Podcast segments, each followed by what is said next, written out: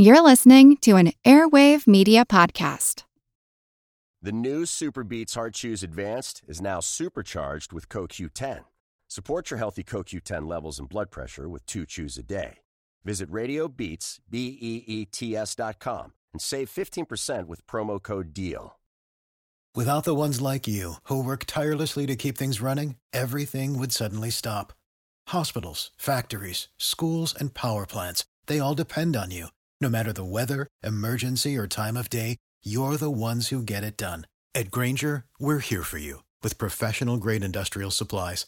Count on real time product availability and fast delivery. Call clickgrainger.com or just stop by. Grainger for the ones who get it done.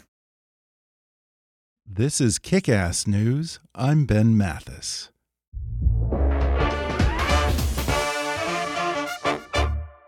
Faculty and students at Rochester Institute of Technology recently built a robot fish. Why? Because it could lead to a new wave of prosthetics. Now everyone's hooked. At RIT, the creative team of engineers is on to something life changing. Learn more about the project at rit.edu/slash kick. And now, enjoy the podcast. Hi. I'm Ben Mathis. Welcome to Kickass News. Shortly after graduating from Harvard University and just days before 9 11, Seth Moulton enlisted in the U.S. Marine Corps. He thought he had signed up to go to Afghanistan and fight Al Qaeda, but instead, he found himself fighting a different war just a year after 9 11 when he was an infantry platoon commander in the 1st Company of Marines to enter Baghdad. Though he personally opposed the war in Iraq, he kept returning for a total of four deployments because he says he didn't want someone less experienced to have to take his place. He received a Bronze Star and the Navy and Marine Corps Commendation Medal for his bravery in Iraq, but he kept it a secret for years, not even telling his own parents. Seth Moulton chalks it up to his lifelong belief in service, the same value that he says led him to become a U.S. Congressman and now to run for president in 2020. And today, Congressman Moulton joins me on the podcast to discuss what he sees as his path to the Democratic nomination, warns against his party's embrace of socialism, and says he's not afraid to bring up Donald Trump and impeachment in the primary. He recalls his military service in Iraq, including reaching out as a special liaison to tribal leaders in southern Iraq, and what it taught him about compromise and bipartisanship. He reveals why he turned down the premium health insurance afforded members of Congress in favor of getting his health care at the Veterans Administration, what he's learned about what works and what doesn't work at the VA, and why he's against a single payer health care program. Plus, we talk about abolishing the Electoral College, what it's like to campaign for president with an infant daughter, and how he became the star of a popular Iraqi TV show, Moulton and Mohammed. Coming up with Congressman Seth Moulton in just a moment.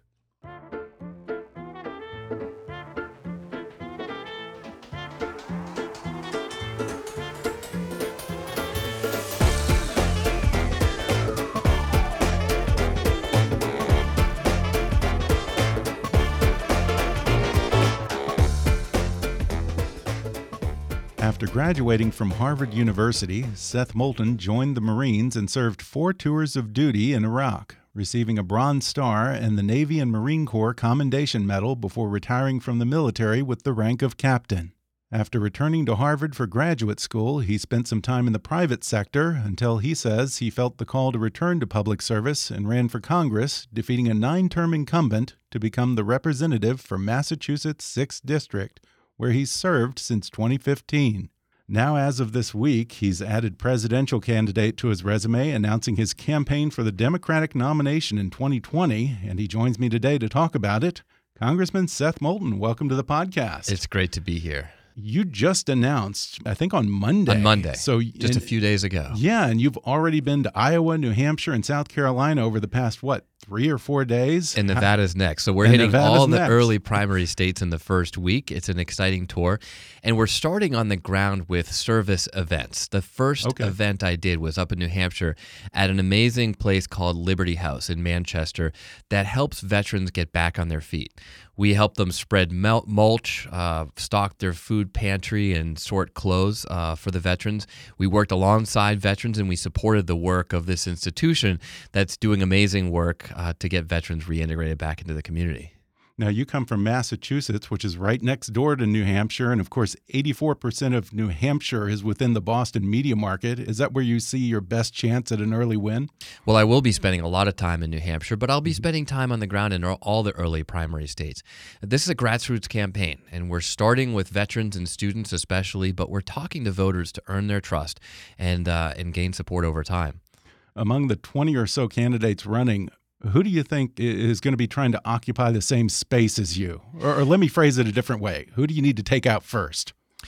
Well, so far, no one is really talking about the issues I'm focused on, which is mm-hmm. taking on Donald Trump as commander in chief, on his performance on keeping our country strong and safe, on, on what it means to have a secure America, and what our foreign policy, our national security policy should look like.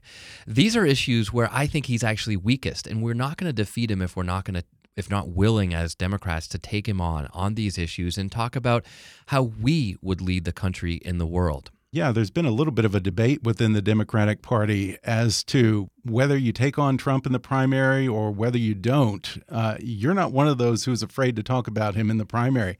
Do you campaign against your opponents or do you campaign against Donald Trump?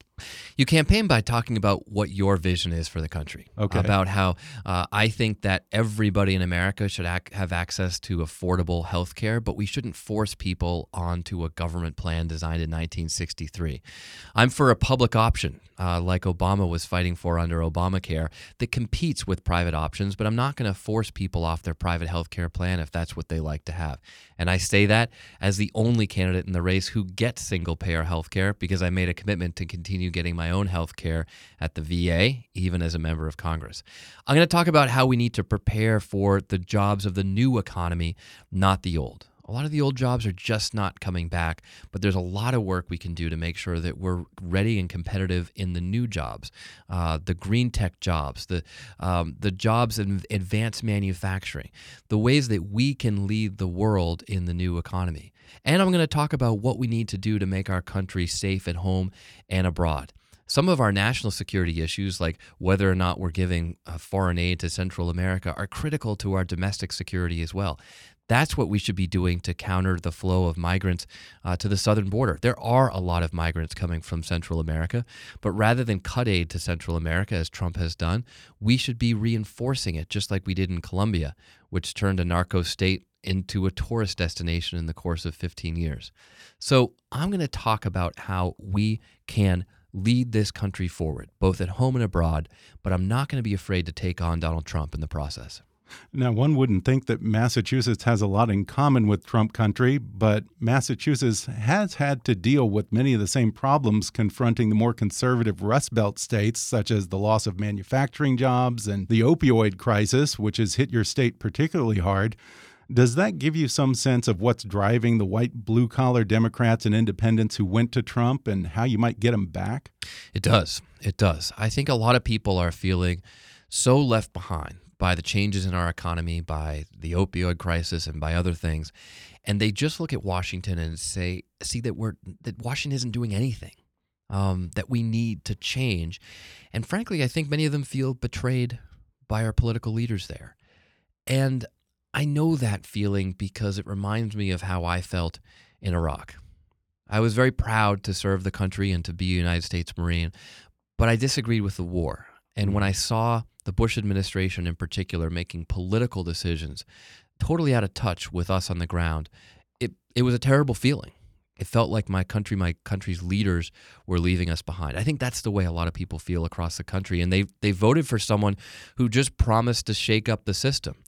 Now, the truth of the matter, of course, is that uh, that Trump has led the most corrupt administration in American history. We don't even have a sitting Secretary of Defense. We haven't had one for months. He's gone through uh, cabinet officials. Um, it seems like that's the pace of one once or two, one a week or something. Um, so, so Trump has not done a good job of living up to his promises, but he did take on the Washington establishment, and that's what we need to have in our nominee as well. Someone who is willing to take on the Washington establishment and get the country back working for Americans again. Now, you mentioned your service in Iraq. Uh, you enlisted in the Marines just before 9 11, and I think it was just about a year later, you were an infantry platoon commander in the first company of Marines to enter Baghdad. I'm assuming that those were still the days of shock and awe when we thought it was just going to be a four week war. How long did it take for reality to set in and you realized that this was not going to be a cakewalk? Well, that summer was pretty good. Things were going really well in, in Iraq that summer. In some ways, I've never seen a more hopeful, excited, and optimistic place on earth. But it quickly became apparent that we had no plan. We had no plan for the occupation. The invasion was a success, but we had no idea what to do next. And that's when things started to fall apart. But the crazy thing about my own experience is that, yes, I signed up a little bit before 9 11, uh, so I didn't even expect to be in a war at all.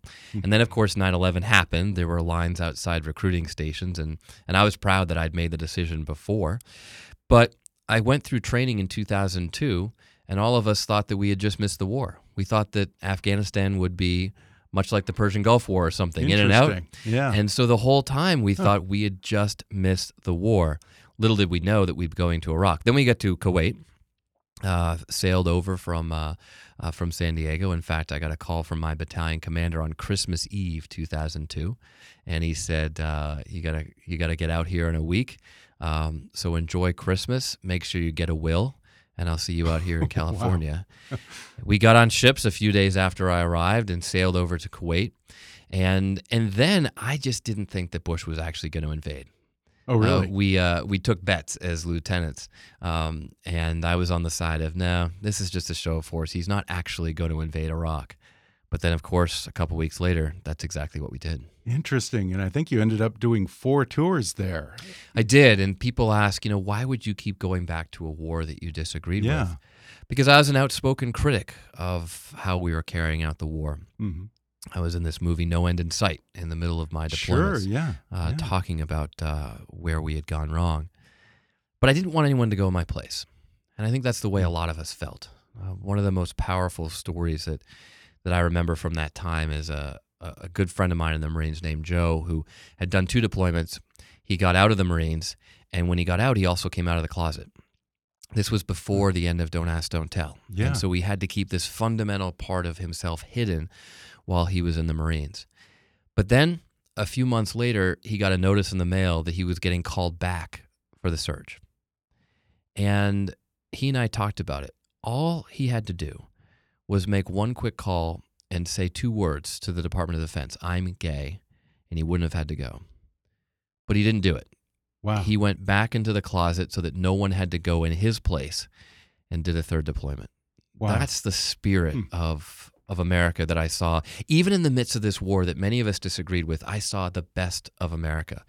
At the same time, though, I, th- I think we saw some of the worst of America in Washington. Now, I feel like I would be remiss if I didn't mention that you were the star of a hit Iraqi television series, Moulton and Mohammed. Uh, what was that? Some kind of detective show or what?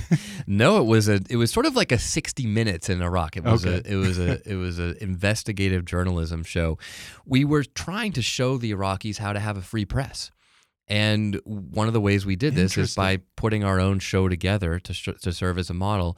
And yeah, strangely, it became i- incredibly popular. And um, I haven't run into someone who remembers me um, from Moulton and Mohammed in the last hour. Literally, someone an hour ago, Oh, really? um, an Iraqi who's moved to the United States, he saw me. He said, "I know you." I said, "I think it's from the TV show." He said, "Yes, that's right. I saw you on TV." so it was a it was a very popular show, um, and it was the first taste that Iraqis had of of a free press of investigative journalism. It's something that Mm-hmm. Wow. the Marine Corps believed we had to teach the Iraqis if they were going to develop a democracy. Now, whatever became of Mohammed, did you two have some kind of Dean Martin, Jerry Lewis falling out or what? Mohammed is is still he? a very very close friend. Okay. I was just emailing with him last night. Um, he actually came to America on a Fulbright scholarship, and uh, and then he had to stay because sadly his his family was threatened, um, threatened to be killed by the insurgents because of his work with the Americans, and so it would have been a death sentence for him to go home. And so um, my friends and I uh, helped him uh, complete his asylum application, and he's now uh, happily living here in America as a very proud American citizen. And I think it was just a few years later that a former guest of the show, General David Petraeus, had you assigned to work as a special liaison with tribal leaders in southern Iraq. Uh, what did you learn from that experience? Well, it was an incredible job. We were trying to get tribal leaders who, frankly, were working hard to kill Americans to instead uh, switch sides and work on protecting the country. And uh, it taught me a lot about working with people you disagree with. It taught me a lot about getting things done with folks that don't agree with you on a lot of things and maybe have a lot of ideological differences. But what we were able to do with those Iraqi tribal sheikhs is find some common ground, some common ground about building a, a better, stronger future. And that's exactly what we need to do in Washington. Uh, that's why I'm proud of the fact that I'm one of the most bipartisan members of Congress. In these very Yeah. partisan times, people people like to say, well, maybe you should be more partisan and just fight for your own team. But the way that I became uh, the most effective freshman Democrat, in fact, was because I was willing to work across the aisle to get things done. And that's the same spirit that I think we need to bring to this presidential race. Well, given that the liberal wing of the Democratic Party seems to be gaining steam and the party is even flirting with socialism in a way that I haven't seen in my lifetime, do you worry that your bipartisan record might become a cudgel for your opponents to use against you? They might try to use it against me, but it's something I'm proud of, and I think it's something that the American people understand. The first bill I passed was the Faster Care for Veterans Act to help veterans get better access, quicker access to health care at the VA. And the only way it actually got passed into law is with Republican support. It was hard. It was hard to find common grill, common ground, even on something uh, as simple as getting care for veterans, because there were a lot of different constituencies. Some people wanted it to happen outside the VA. Some people wanted it to happen through the VA. It was a complicated process, but because I was willing to work with Republicans, not all, I mean, you know, you have to choose your Republicans, you have to choose ones you can actually work with. But because I was able to do that, it got passed into law and is making a difference in veterans' lives. And I think that's a mistake that some of our party leaders are making even today, which is passing a whole bunch of laws that get through on Democratic votes in the House, but never have a chance of actually becoming law by getting through the Senate mm-hmm. and being signed by the president. And therefore, they sadly don't make any difference in Americans' lives. Uh, yeah, and on that issue, I do want to give you credit. Apparently, you walk the walk, and instead of taking the platinum healthcare plan offered to most congressmen, you get your healthcare at the VA still, right? I do. I made that commitment to continue going to the VA like all my fellow veterans and Good fellow. Marines I served with. I said, look, until we fix this system, I'm going to go to it just like all the rest of you. And my experience has been mixed, and it gives me a real insight into this healthcare debate that we're having right now as a party and as a country.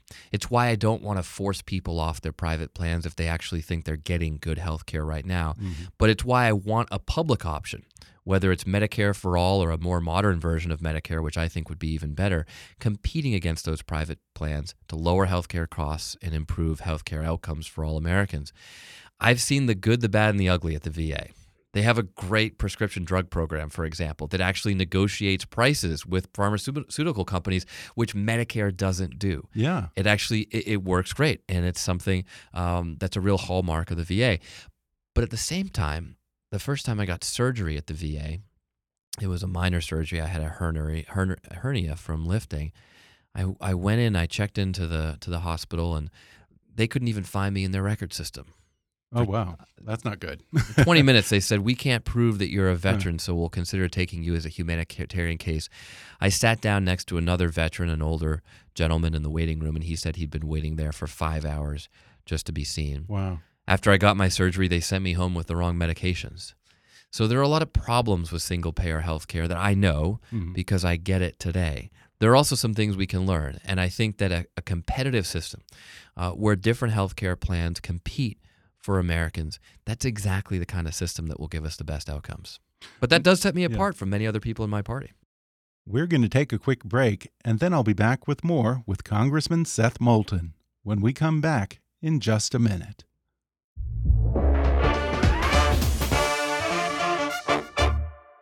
If you don't know SiriusXM, then listen up. SiriusXM brings you the deepest variety of commercial free music for every genre and for every mood. Where you hear the biggest names in talk, entertainment, and comedy, where you get news from every source. A lot of people think you need a car to enjoy SiriusXM, but you don't. You can listen outside the car. Right now, you can get your first three months of SiriusXM outside the car for just $1. Just go to SiriusXM.com slash kick to see offer details and subscribe. For $1, you can listen to SiriusXM on your phone, at home, and online. So anywhere you are, any time of day, you can hear your favorite songs or discover new ones. Go to Sirius, S-I-R-I-U-S, xm.com slash kick and get your first three months of SiriusXM outside the car for $1. See offer details. Offer available to new SiriusXM streaming subscribers. SiriusXM. No car required. Don't miss Hulu's all new original series, Ramy, now streaming only on Hulu. Based on the real life experiences of comedian Ramy Youssef, this groundbreaking comedy series takes viewers into the world of a first generation American Muslim on a spiritual journey in his politically divided New Jersey neighborhood. Ramy brings a fresh, new perspective to the screen as the series explores the challenges of what it's like to be caught between an Egyptian community that considers life a moral test and a millennial generation that thinks life has little to no consequences. The series features postmodern meditations on love, work, and identity through the eyes of a modern day Muslim American millennial and his family, and explores how challenging it can be to find deeper meaning in today's hyper connected world. Be sure to catch Hulu's all new original comedy series, Ramy. All episodes now streaming only on Hulu. And now, back to the podcast. When you were in Iraq, you received a Bronze Star and the Marine Corps Commendation Medal, but I was surprised to learn that you kept those secret for a number of years. In fact, I don't think you even told your parents. Why? Well, I don't think veterans should just come back and tell war stories. Mhm. I think that um, you know all of us were proud of what we we did, but um, but those of us who were really on the ground and went through the worst stuff, um, you know, um, we don't need to talk about it.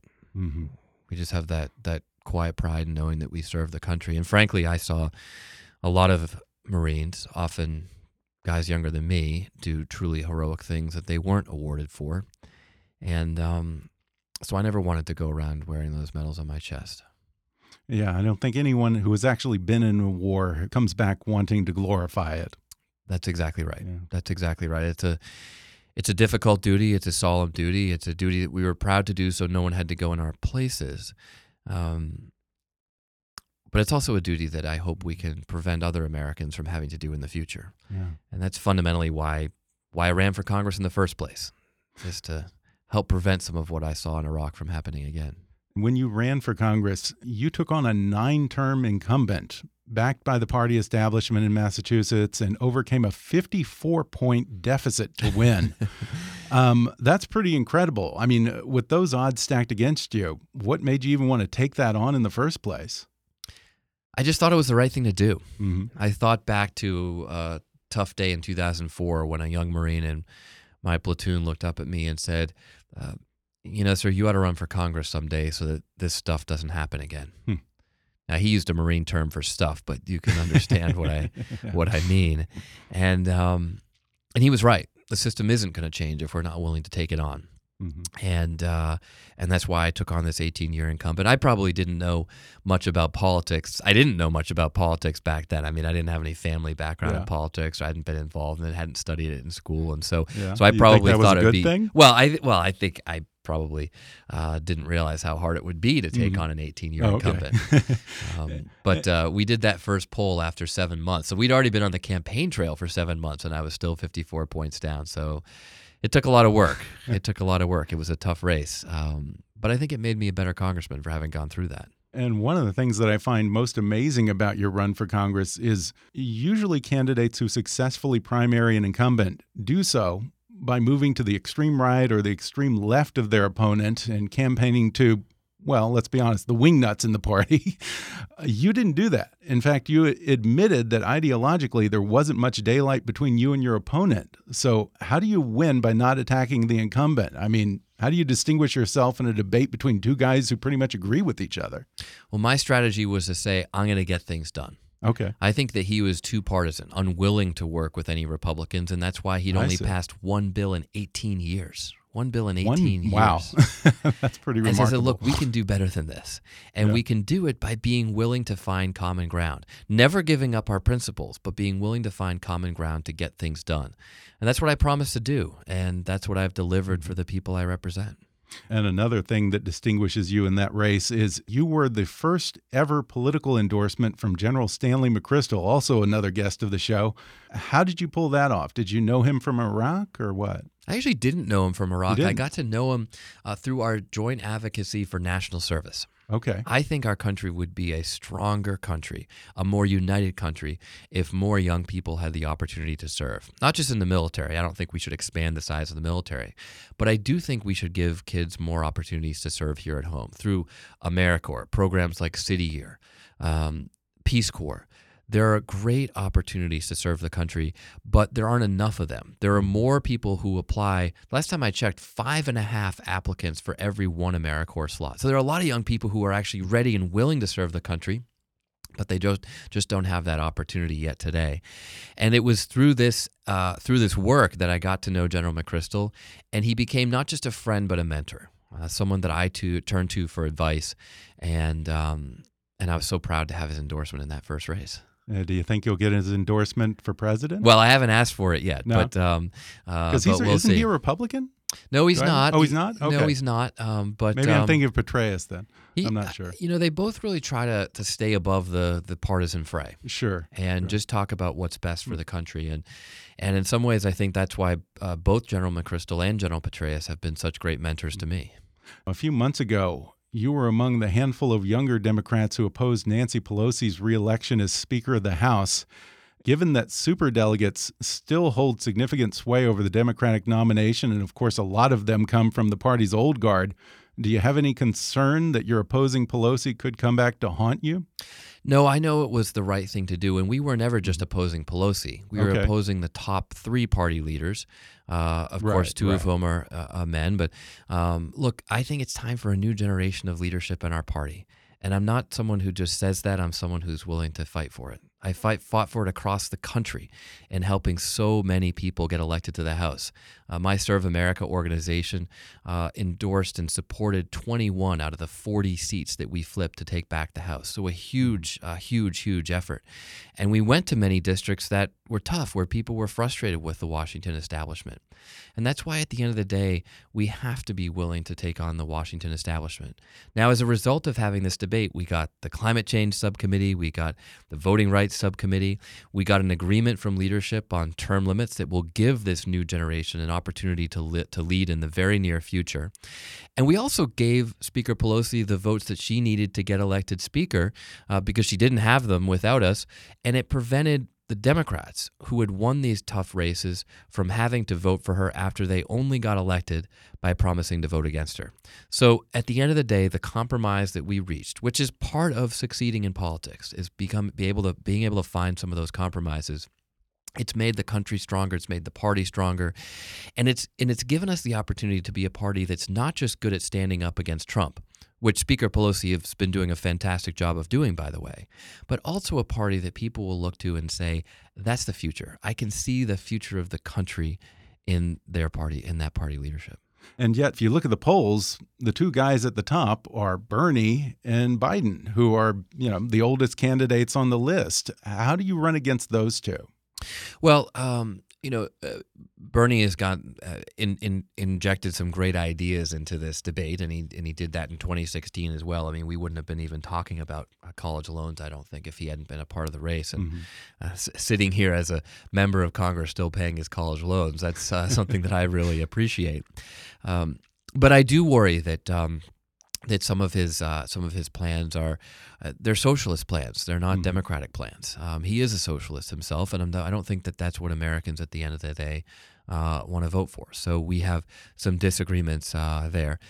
Now, Vice President Biden has been a mentor and a friend. Um, oh, really? And uh, he was one of the first people to, to come out and support my, my first campaign. So I was um, uh, after I won the primary, but he was he was right there for me then. And um, and and we're going to have a good debate. We're going to have a good debate, but I do think it's a time for for next generation thinking uh, in our national security, in our economic security, talking about how we can succeed in the new economy, not the old, uh, talking about how we lead in this new world where we're not worried about Russia rolling tanks into Western Europe, but we are worried about the fact that Russia attacks us through the internet and tries to undermine our, our democracy. Um, where the current sitting president is trying to build a fifth century wall on the southern border. But the place where we actually need a wall is between us and China on the internet because yeah. China every hmm. single day steals our business ideas and military secrets through the internet. So we should be talking about a cyber wall, not a southern border wall. Uh, this is about preparing ourselves for the next 50 years, not going back to the past, but looking forward. And that's what I would do as the next president. And speaking of Russia, there's this debate among Democrats right now as to whether it's time to impeach the president and whether impeachment actually helps or hurts Democrats in 2020. Where do you stand? Well, I just think that it's the right thing to do to have this debate. Mm -hmm. Now, that doesn't mean that I'm saying we should vote on this tomorrow. In fact, we don't even have all the facts yet. Uh, we don't have the full Mueller report, for example. Sure. But even a year ago, it was apparent that there is enough evidence of wrongdoing by this administration, by Trump and his close associates, that we should have this debate in the Congress. It's our constitutional responsibility to have this debate. And so I broke with uh, most people in my party uh, and the party leadership last year in, in voting for impeachment um, discussions, for impeachment debate. Um, I think that was the right thing to do. And I think it was a mistake to wait mm-hmm. until this long, long. I think we've kind of backed ourselves into a corner now. So I've been very clear on this we have a constitutional responsibility to act as a check on the executive and to investigate what tr- Trump and his administration have done. And whether or not that's good politics is not as important as the oath that we swore to protect and defend the Constitution. But even if the House actually votes to impeach, there's little chance that it's going to pass the Senate. So isn't any impeachment proceeding just going to be theater? No, it's not theater. Mm-hmm. It's about fulfilling our constitutional responsibilities. Okay. And it's having this debate in a transparent way before the American people. You know, I think if you had asked this question at this time in the whole Nixon debate, uh, people would have said the same thing. Uh, he'll never get convicted by the Senate. It's not going to go anywhere. Um, but by having those discussions, by bringing the facts to light, not just for Congress, but for the American people, ultimately, Nixon resigned because the writing was on the wall. It was very clear that he had violated the, the, the, law and betrayed Americans' trust. We need to have that discussion about this president as well. Now, if impeachment came to a vote in the House today, do you know how you'd vote? Well, I, I wouldn't say because it has. I, I think we have to have this debate first. In fact, uh, this is what the Republicans did in the last Congress: is they forced us to, ba- to, to vote on all sorts of things, be even before even having a debate, and we never never even had a debate about repealing Obamacare uh, before they would have votes on it. So that's not the way Congress is supposed to work. We do two things in Congress: we debate things and then we vote on them. We need to have the debate first, and that's why I think we should have started this debate last year. And among the proposals that you've set forth, you've proposed abolishing the Electoral College. Given what happened in the last election, it's totally understandable. I mean, every vote should actually count. But here's what I worry about I worry about the implementation. If you switch to a popular vote where candidates then truly have to run a national campaign and compete in every state, doesn't it create a situation where massive media buys replace retail politics and only billionaires can run for president? And beyond that, if every vote really does matter, aren't we then setting ourselves up for endless recounts and the 2000 elections times 50? No, no, no, we're not. Every vote counting is a fundamental principle of our democracy. And it's simply not the case in America today. Uh, the Electoral College, as you as you explained, means that presidential candidates only go to a few states. Uh, they don't even bother going to most of the country. And most of the country knows that, you know, their their electoral vote is going to go a certain way in their state, and so their individual vote doesn't really matter, mm-hmm. and that's wrong. A lot of people in congressional elections know that their votes don't matter because of gerrymandering, and so I've called for an end to gerrymandering as well. And I've also been a staunch advocate ever since my first campaign of getting money out of politics. This is something that, I mean, look, are, is there a concern that uh, there's there's too much money in politics today? Absolutely. And is your concern valid that um, that we could change the system in a way that would favor uh, the wealthy? Uh, maybe it is. I'm not sure. But one thing is clear: we need to work as Americans to get big money out of politics. And that's something that I would fight for in, as the president, just the same way I fought for it in Congress. Mm -hmm. Do you see yourself taking any kind of a pledge to only take donations of a certain amount the way Bernie did last time around? So I've made a pledge to not take any corporate PAC money. Okay. Um, okay. And, uh, and, and and I'm and I'm proud of that. I've also been working on campaign finance reform legislation and and uh, I was very proud to be endorsed by Larry Lessig back in my first congressional campaign. He's very selective, but he's a leader on campaign finance reform issues, and I was proud to be among his few endorsees. The point is that we need fundamental reform of our election of the electoral system to give people trust back in their government, in their leaders, and in their vote. In this last midterms, in these last midterms, there are a lot of people in Georgia who were disenfranchised, who know that their vote for governor and lieutenant governor didn't count. And that is wrong. One of my amazing, uh, one of the amazing candidates that I supported uh, is a good friend from the Marines, Dan McCready, who ran in North Carolina. And because his Republican opponent committed election fraud and disenfranchised a whole bunch of people um, whose votes should have counted, uh, he now has to run another campaign.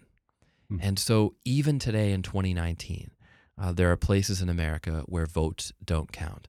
And we've got to change that. Well, before we go, I know that you're also a recent father. Congratulations Thank on that. Thank you very much. Um, I'm very you, excited. Have you and your wife figured out how to campaign for president with a six month old baby girl in tow?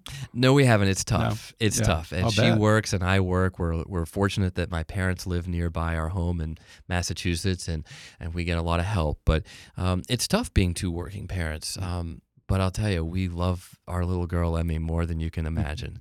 Uh, she's doing so well. Uh, we're so proud of her, and I miss her every time I'm on the campaign trail. That, frankly, is why I I couldn't get in this race earlier. I wasn't going to get oh, really? in the race any earlier with a six month old at home, but yeah. but I thought long and hard about this because I do miss her every single day I'm away.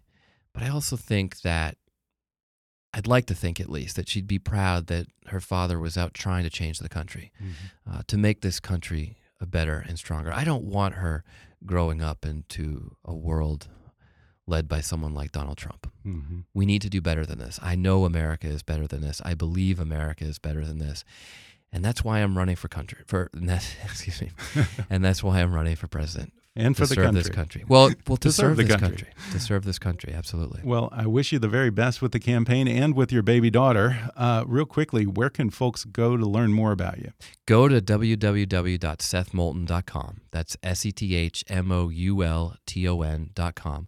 Watch the video that explains a little bit of my background and why I'm in this race, and then make a small donation. If you want to hear any of these ideas on the debate stage, which have got to be a part of our debate if we're going to really take on Donald Trump, then please make a small donation $5, $10, even $1 just to help me get on the debate stage in June. Good stuff. Well, Congressman Seth Moulton, good luck and thanks for talking with me. Thank you.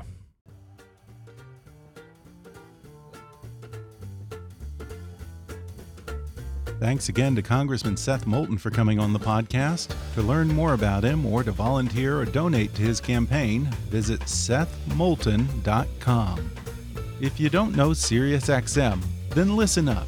Commercial free music plus sports, talk, comedy, and news, they have it all. And right now, you can get your first three months of SiriusXM outside the car for just $1. Go to SiriusXM.com slash kick to see offer details and subscribe. That's Sirius, S-I-R-I-U-S, X-M dot com slash kick. Offer available to new SiriusXM streaming subscribers. SiriusXM. No car required. Be sure to subscribe to Kickass News on Apple Podcasts if you haven't already. And if you like what you're hearing, then rate and review us while you're there. Five star reviews are the easiest way for new listeners to find us. Don't forget to like us on Facebook and follow us on Twitter at, at KickassNewsPod. And feel free to email me with your thoughts, questions, and suggestions at comments at kickassnews.com. Until next time, I'm Ben Mathis, and thanks for listening to Kickass News.